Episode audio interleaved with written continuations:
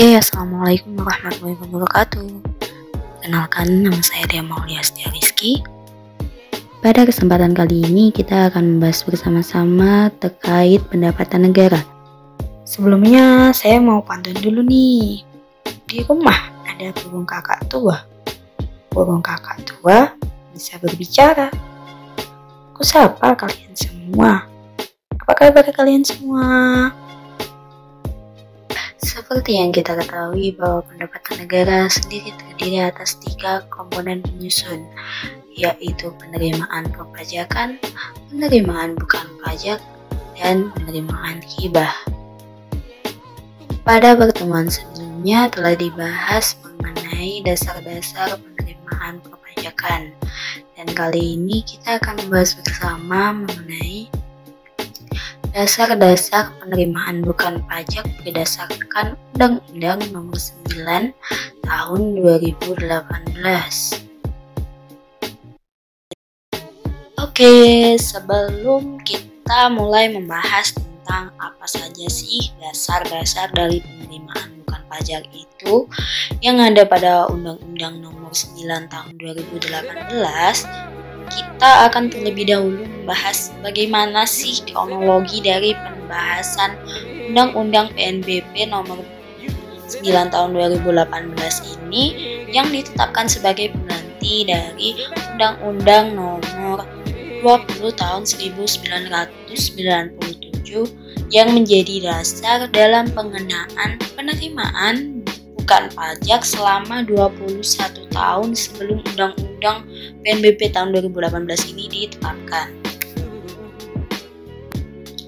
Jadi, penetapan dari Undang-Undang PNBP nomor 9 tahun 2018 ini membutuhkan proses pembahasan yang panjang sekali.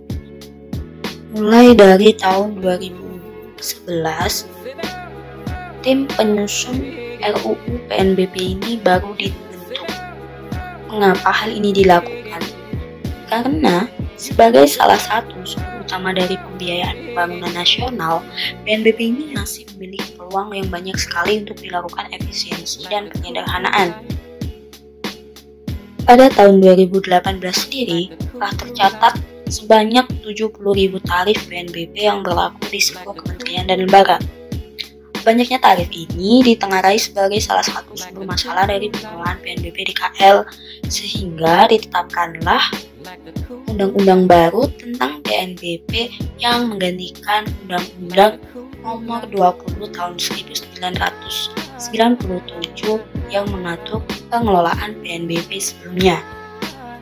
Nah, penetapan undang-undang yang baru tentang PNBP ini jadi momentum reformasi pengelolaan penerimaan negara bukan pajak yang dilakukan melalui penyederhanaan jenis dan tarif PNBP.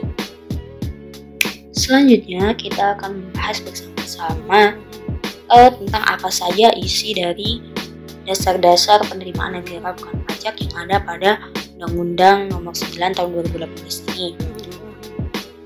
Undang-undang ini terdiri atas 13 bab dan 7 tiga pasal.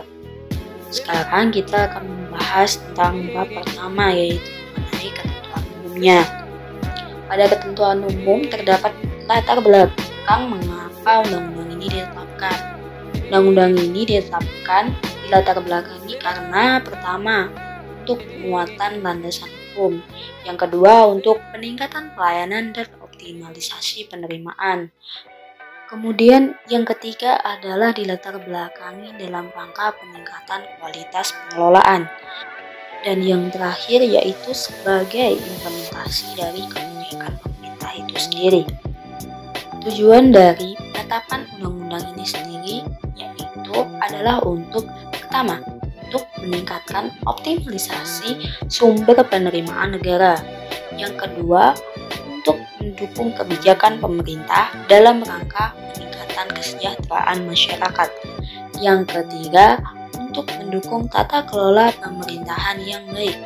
Dan yang terakhir, untuk menyederhanakan atau mengurangi jenis dan tarif PNBP, khususnya pada tarif dasar dengan tanpa mengurangi tanggung jawab untuk tetap menyediakan pelayanan dasar. Selanjutnya, apa sih sebenarnya PNBP itu?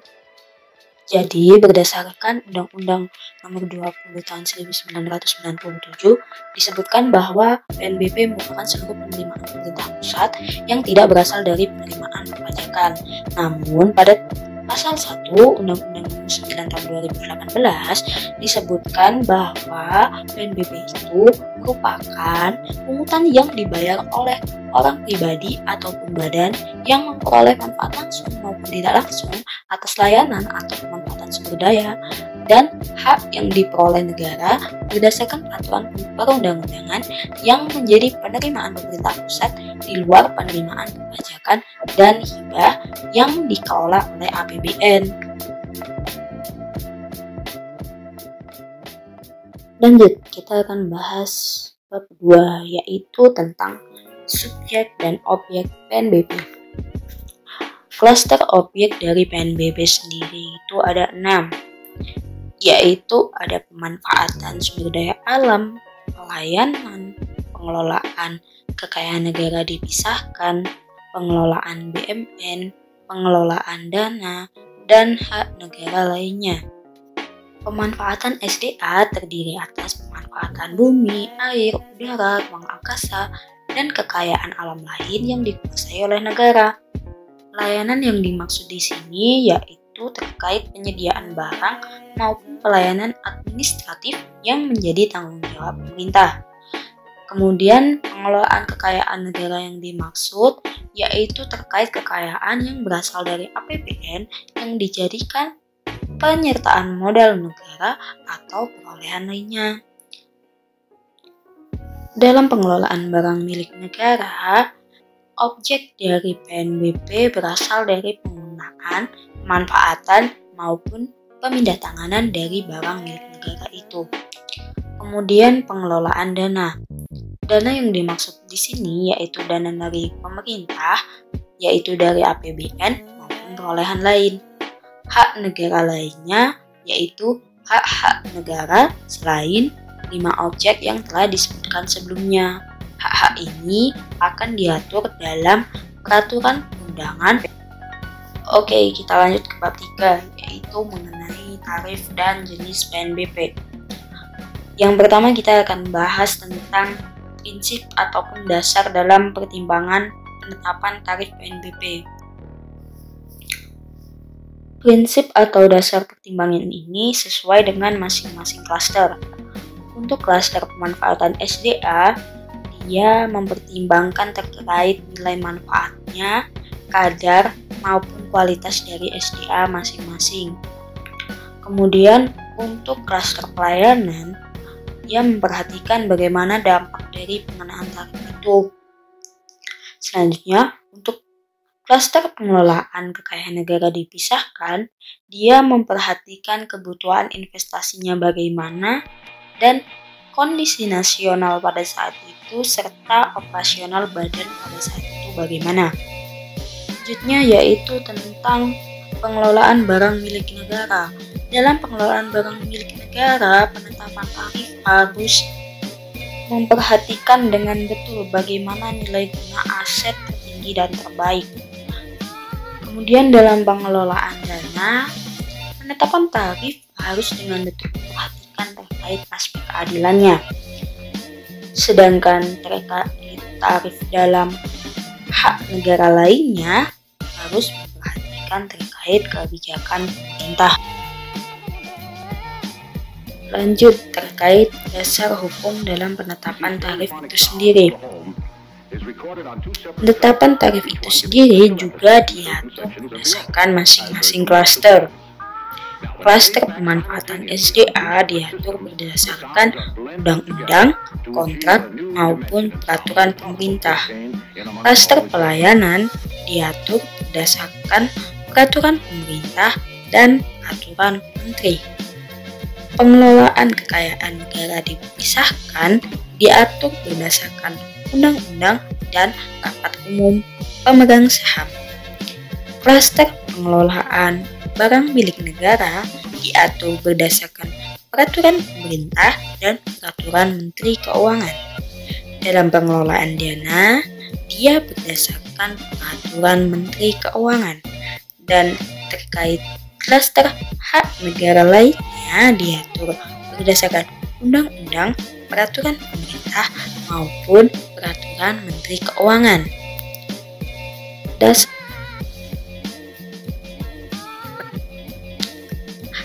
Tarif penerimaan negara bukan pajak sendiri dapat berupa tarif secara spesifik maupun volume. Tarif secara spesifik yaitu berupa nominal uang, sedangkan tarif ad valorem berupa presentase maupun formula. Selain itu, ada juga loh tarif PNBP yang dikenakan hingga 0% maupun 0 rupiah. Penetapan tarif ini dengan mempertimbangkan yang pertama, yaitu dalam penyelenggaraan kegiatan.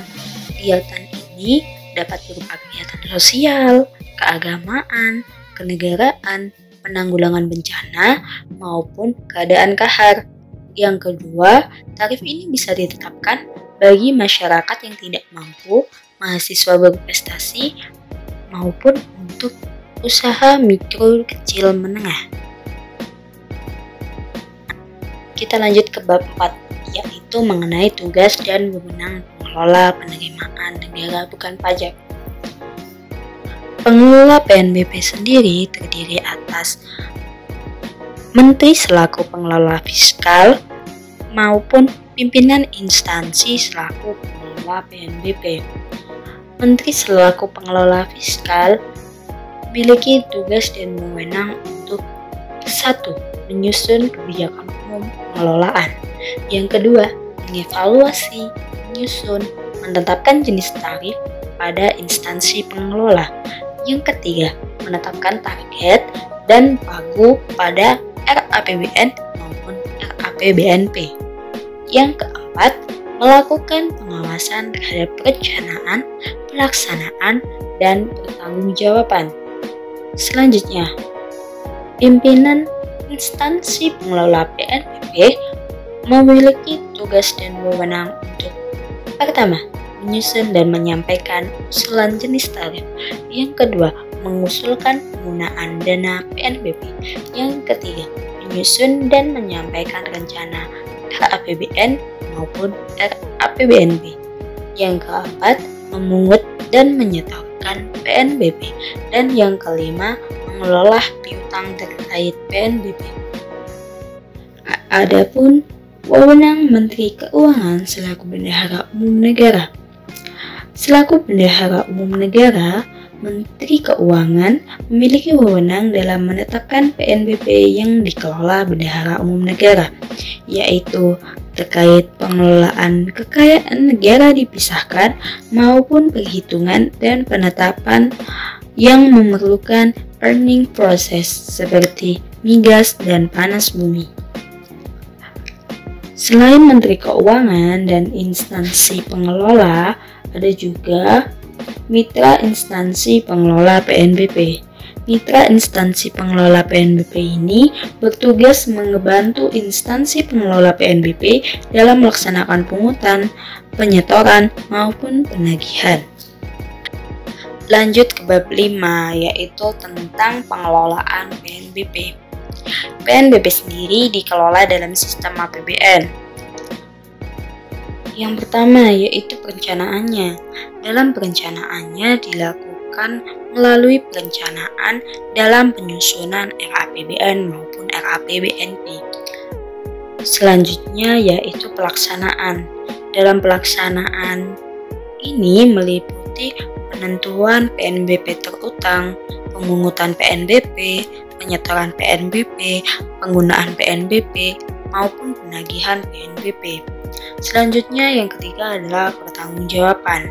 Pertanggungjawaban di sini terkait bagaimana penata usahanya dan pelaporan terkait PNBP sendiri. Kemudian yang keempat adalah pengawasan.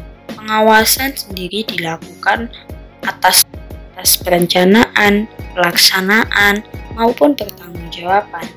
Setelah empat tahapan pengelolaan yang telah disebut dilakukan dapat dilanjutkan dengan proses pemeriksaan. Dalam pengelolaan PNBP, instansi pengelola wajib melakukan verifikasi PNBP terutang yang dilakukan oleh wajib bayar. Tujuannya adalah untuk meningkatkan kepatuhan wajib bayar dalam rangka meminimalisir kerugian negara. Terkait dalam pengawasan pengelolaan PNBP sendiri dilakukan oleh dua pihak, yaitu oleh aparatur pengawas intern pemerintah atau yang disebut APIP dan pengawasan oleh Menteri Keuangan. Dalam pengawasan yang dilakukan oleh APIP, instansi pengelola wajib melakukan pengawasan secara intern yang dilaksanakan oleh APIP yang bertanggung jawab langsung kepada Menteri Keuangan. Pengawasan oleh Menteri Keuangan dilakukan untuk meningkatkan kualitas perencanaan, pelaksanaan, dan pertanggungjawabannya. Dalam hal ini dapat berupa verifikasi, penilaian, maupun evaluasi. Selanjutnya kita akan membahas bab 6 yaitu tentang pemeriksaan. Objek dari pemeriksaan sendiri ada wajib bayar, instansi pengelola, dan juga mitra instansi pengelola. Pemeriksaan ini didasarkan pada hasil pengawasan oleh APIP maupun menteri. Kemudian didasarkan juga pada pemerintahan koreksi atas surat tagihan, surat pengembalian maupun surat keringanan. Kemudian pemeriksaan juga dilakukan atas indikasi kerugian dan ketidakpatuhan. Instansi pengelola dan juga Menteri Keuangan dapat juga menjadi inisiator dalam pemeriksaan. Ruang lingkup dari pemeriksaan sendiri hanya terbatas pada kepatuhan pemenuhan kewajiban oleh wajib bayar, pemenuhan ketentuan oleh instansi pengelola, dan tata kelola terkait penerimaan negara bukan pajak. Oke, kita lanjut ke bab 7 terkait keberatan dalam penerimaan bukan pajak. Pengajuan keberatan dilakukan oleh wajib bayar berdasarkan surat ketetapan kurang bayar, namun wajib bayar tidak menunda kewajiban terutangnya. Kemudian berdasarkan surat ketetapan lebih bayar dan surat ketetapan nihil.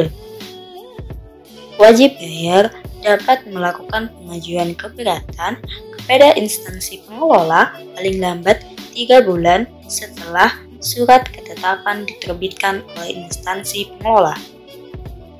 Penetapan atas keberatan dilakukan paling lambat selama enam bulan dan penetapan ini bersifat final. Apabila wajib bayar tidak setuju, wajib bayar dapat mengajukan gugatan ke Pengadilan Tinggi Tata Usaha Negara. Selanjutnya bab 8 yaitu tentang keringanan PNBP. Dasar pengenaan keringanan ini didasarkan pada kondisi kahar, kesulitan likuiditas, maupun kebijakan pemerintah. Keringanan ini dapat berbentuk penundaan, pengangsuran, pembebasan, maupun pengurangan. Dalam penetapan pembebasan maupun pengurangan, diperlukan persetujuan menteri, pertimbangan APIP, atau pemeriksaan tentang likuiditas. Lanjut bab 9 tentang pengembalian PNBP. Ada tujuh dasar mengapa dilakukan pengembalian. Yang pertama yaitu salah bayar ataupun salah setor. Yang kedua yaitu salah pungut. Yang ketiga penetapan pengajuan keberatan. Yang keempat berdasarkan putusan pengadilan. Yang kelima hasil dari pemeriksaan. Yang keenam pelayanan yang tidak terpenuhi dipenuhi dan yang ketujuh berdasarkan ketentuan undangan. Bentuk dari pengembalian sendiri dapat berupa pemindah bukuan maupun pembayaran di muka kewajiban PNBP selanjutnya. Mekanisme dari pengembalian sendiri dimulai dari pengembalian yang disebabkan karena dasar-dasar yang sudah disebutkan tadi yang diajukan kepada instansi pengelola PNBP Instansi pengelola dapat menolak maupun menyetujui. Apabila instansi menyetujui, pengembalian dapat berupa pengembalian tunai maupun pembayaran di muka terutang untuk periode selanjutnya. Pembayaran tunai dapat dilakukan apabila periode dari usaha wajib bayar telah berakhir. Kemudian, putusan pengadilan. Tidak ada PNBP sejenis yang terutang Pengembalian sebagai pembayaran di muka telah melebihi dari satu tahun, kemudian juga disebabkan karena adanya kondisi kahar. Kita akan langsung lanjut ke bab 11 terkait ketentuan pidana dalam pengelolaan penerimaan negara bukan pajak. Penetapan sanksi dapat dilakukan karena dua hal. Yang pertama, sengaja tidak membayar dan atau menyampaikan laporan terutang yang tidak benar. Dalam hal ini dapat dikenakan pidana berupa denda sebesar empat kali dari PNBP yang terutang dan dapat dikenakan kurungan selama 2 sampai dengan 6 tahun. Yang kedua, disebabkan karena sengaja tidak memberikan dokumen keterangan bukti atau memberikan dokumen keterangan bukti yang tidak benar. Dalam hal ini dapat dikenakan pidana berupa denda paling banyak sebesar 1 miliar dan dikenakan kurungan paling lama satu tahun. Selanjutnya kita akan lanjut pada pokok pembahasan terakhir yaitu tentang hak dan kewajiban wajib bayar. Wajib bayar sendiri tertuang pada empat pasal dalam undang-undang ini. Yang pertama pada pasal 38, wajib bayar berhak untuk mengajukan permohonan koreksi. Pada pasal 58, disebutkan bahwa wajib bayar berhak untuk mengajukan keberatan. Pada pasal 62, disebutkan bahwa wajib bayar wajib berhak mengajukan keringanan dan pada pasal 63 disebutkan bahwa wajib bayar hak untuk mengajukan pengembalian.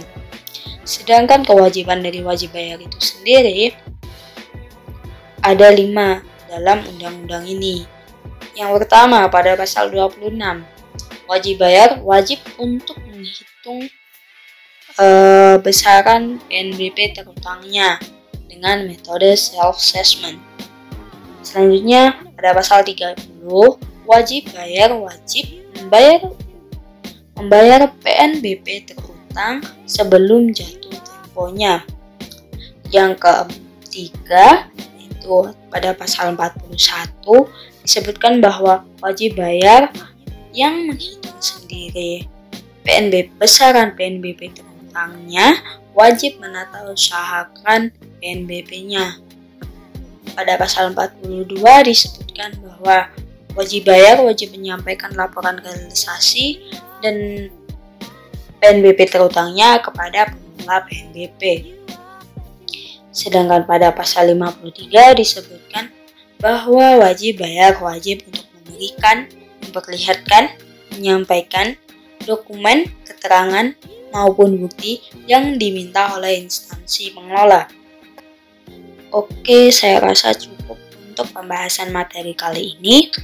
Berdasarkan pemaparan materi yang telah saya sampaikan, dapat disimpulkan bahwa PNBP itu secara umum diatur dalam Undang-Undang Nomor 9 Tahun 2018 dan Undang-undang ini merupakan undang-undang pengganti dari Undang-Undang Nomor 20 Tahun 1997 yang sebelumnya telah mengatur tentang PNBP.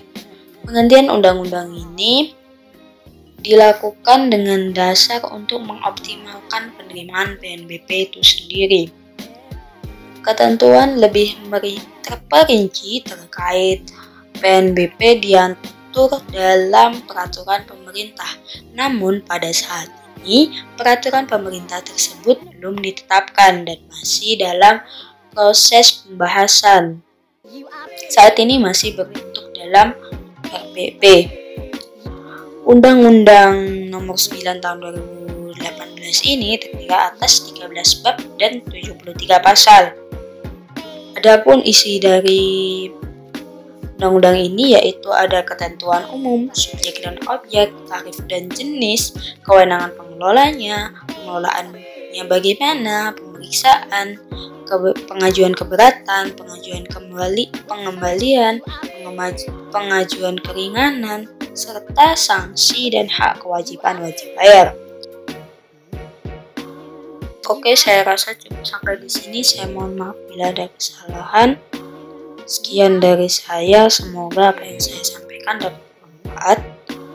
Oh iya, kalau tadi dibuka dengan pantun, kali ini saya juga bakalan tutup dengan pantun. Jalan-jalan ke Surabaya, tak lupa bawa buah tangan. Terima kasih semuanya sudah bersedia mendengarkan. With someone you are